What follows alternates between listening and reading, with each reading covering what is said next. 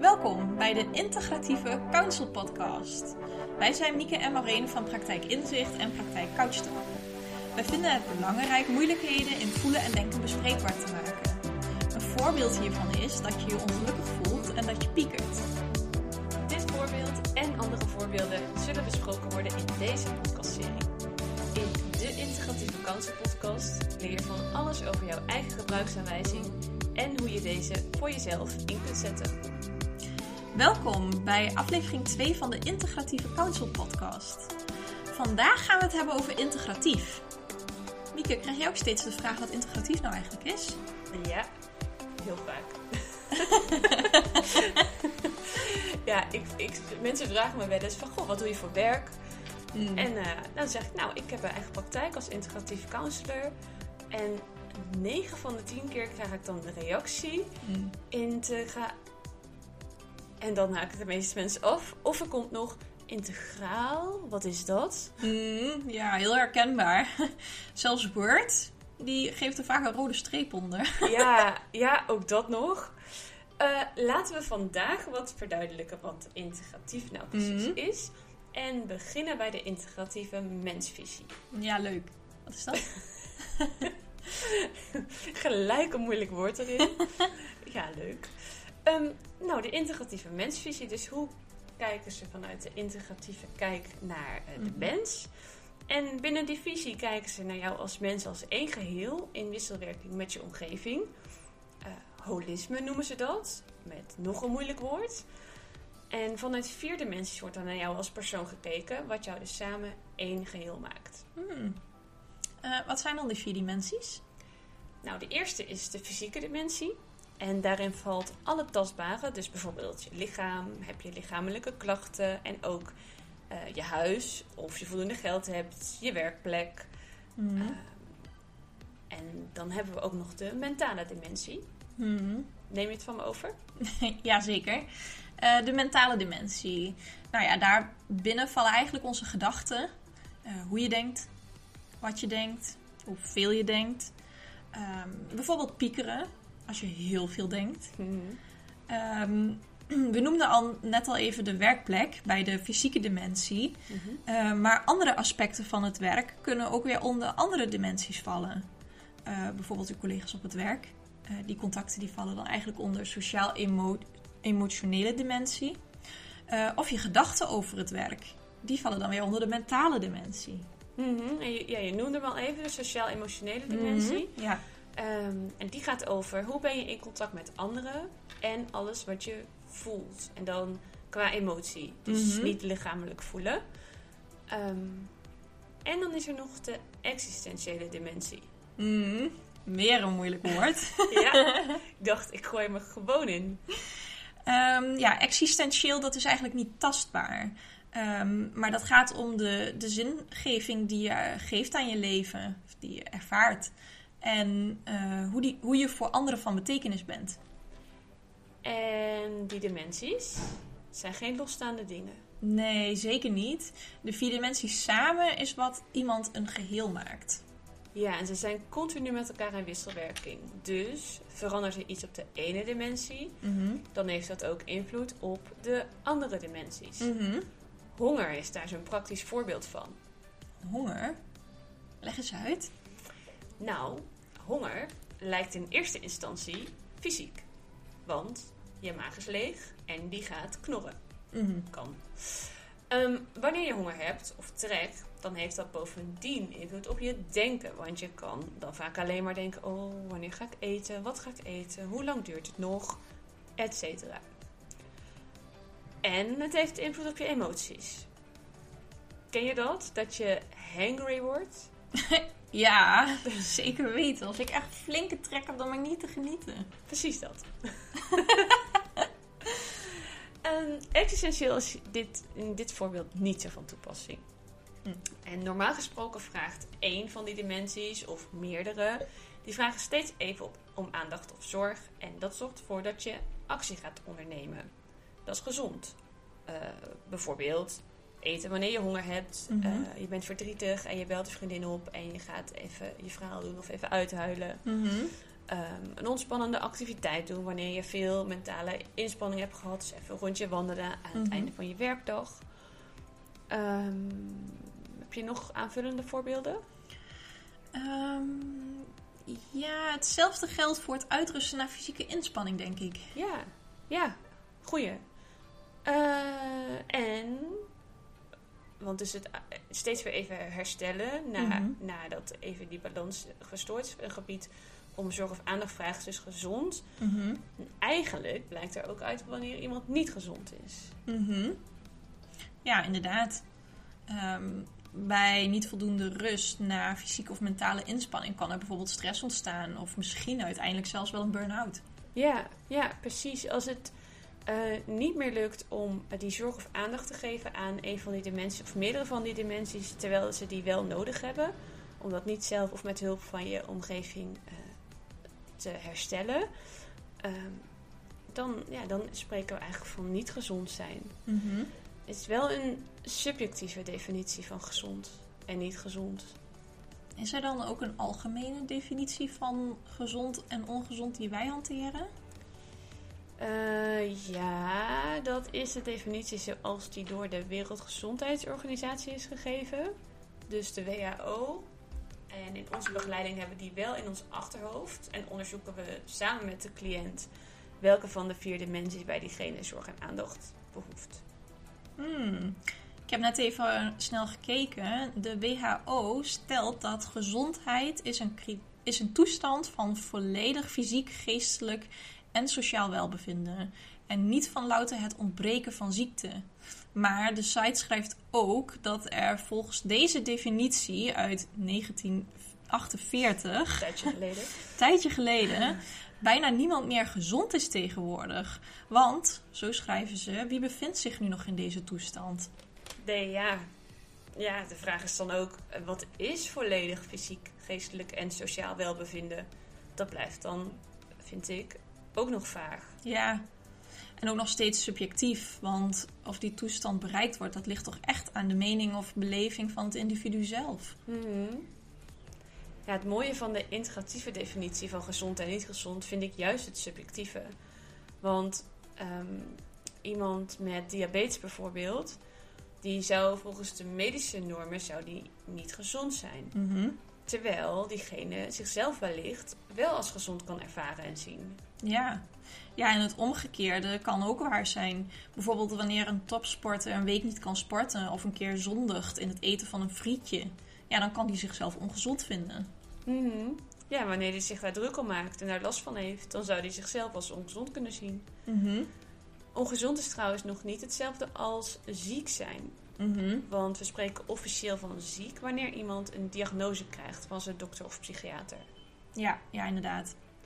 En vaak is het moment dat iemand hulp gaat zoeken wanneer één of meerdere van die dimensies voor hem of haar om aandacht of zorg vragen en het hemzelf of met hulp van zijn omgeving niet meer lukt die aandacht of zorg te geven.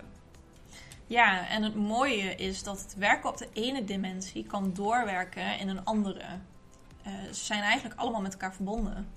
Ja, dat is in de praktijk eh, bijvoorbeeld te zien bij het werken met spanningsklachten.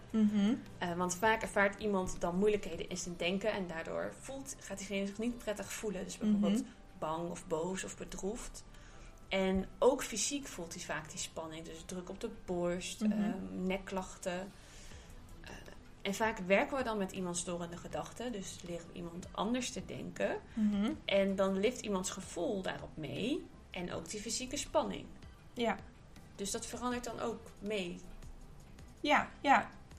En ehm, wanneer iemand psychische of fysieke spanning ervaart, eh, dan zal diegene ook in het contact naar anderen anders zijn.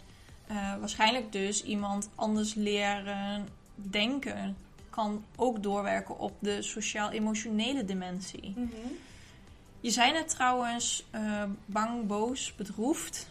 Zijn er toch wel meer gevoelens dan dat? Ja, zo nog blij. Maar die is nu denk ik niet zo van toepassing. Want meestal als mensen spanningsklachten ervaren, zijn ze niet super blij. Maar zijn er dan maar vier gevoelens? Dat zijn de vier basisemoties. Blij, boos, bang, bedroefd. De vier B's. Je kan die emoties wel in verschillende gradaties ervaren. En soms noemt iemand dat dan anders, bijvoorbeeld irritatie, frustratie. Mm. Nou, in de begeleiding gaan we eh, terug naar die vier emoties. Dus blij, boos, bang, bedroefd, ook wel verdrietig. Mm. Oh, nou, dan maakt het in ieder geval een stuk gemakkelijker. Mhm. Ehm, maar daar komen we nog een keer op terug in een andere aflevering, nietwaar? Ja, ja. Nu, voor nu nog even lekker overzichtelijk. zeg dat. Ehm, we hebben het al over de integratieve mensfunctie gehad. Ehm, Mensvisie. ja, Ja. Je zei mensfunctie. zei ik dat? Mensvisie. Uh-huh. Ehm, de vier dimensies, maar er, zijn natuurlijk nog, eh, maar er is natuurlijk nog meer over te zeggen. Over de integratieve begeleiding, hoe die vormgegeven wordt, bedoel je? Ja, inderdaad. Eh, ik heb het over integratieve begeleidingswijzen die wij toepassen binnen onze begeleiding. Ehm, hoe is dat nou makkelijk te beschrijven? Eh, dat vind ik een lastig, omdat het zo op maat gemaakt is vanuit de verschillende psychologische achtergronden die we hebben geleerd. Ja, dat klopt. Eh, het is eigenlijk een beetje hetzelfde als wanneer je naar een restaurant gaat en thee bestelt. Je krijgt dan een doos met heel veel smaakjes waaruit je één kan kiezen. Ehm, ja, zo is het eigenlijk ook met de integratieve begeleidingswijze. Hierin hebben wij een, ja, een doos met verschillende psychologische achtergronden, zoals je al zei. En daaruit kunnen we dan één kiezen om eh, van de begeleiding maatwerk te maken voor ieder individu.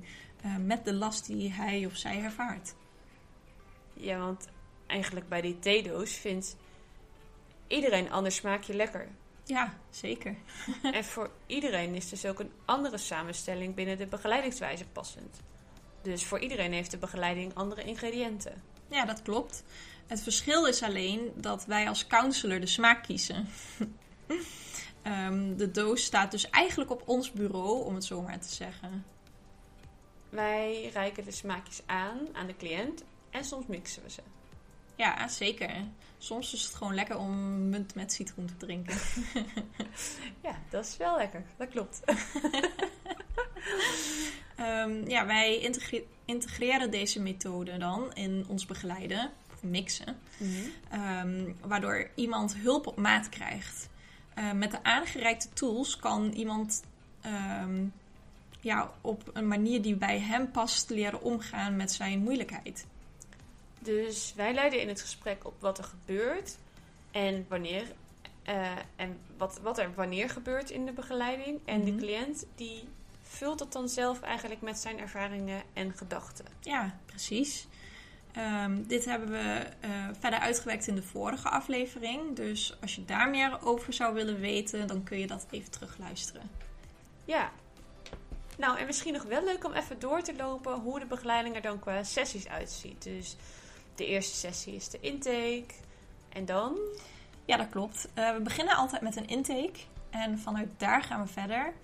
Eh, in acht nemende dat counseling zo'n vijf tot tien sessies in beslag zal nemen. Ehm, na de intake gaan we over tot het begeleidingsvoorstel. En wanneer de cliënt daarmee instemt, dan eh, gaan we daarmee aan het werk. Tot aan het einde van de sessies eigenlijk. Ehm, aan het begin van elke sessie staan we even stil bij wat al wel gelukt is, wat nog niet. En halverwege hebben we een korte tussenevaluatie om te kijken of we op de goede weg zitten. Hmm. In de laatste sessie gaan we evalueren of het doel van de cliënt behaald is. Ja, vanuit de informatie die de cliënt ons in de intake geeft. Dus wat is mijn moeilijkheid en wat wil ik bereiken? Gaan wij in onze theedoos op zoek Mhm. tussen al die smaakjes. En kijken van goh, welk smaakje past dan bij die cliënt. Mhm. En nou, dan hebben we een selectie, een op maat gemaakte selectie van smaken voor de cliënt. En die presenteren we dan in het begeleidingsvoorstel. Ja. ja, en mocht ons voorstel niet overeenkomen met wat de cliënt zou willen, bijvoorbeeld door een smaakje te kiezen dat eh, ja, wij niet in onze theedoos hebben, eh, ja, dan kunnen we de cliënt verwijzen naar iemand die dat theesmaakje wel heeft. Ja, die keuze heeft hij altijd. Iemand kan dan de begeleiding bij een van ons volgen of ergens anders. Ja, absoluut.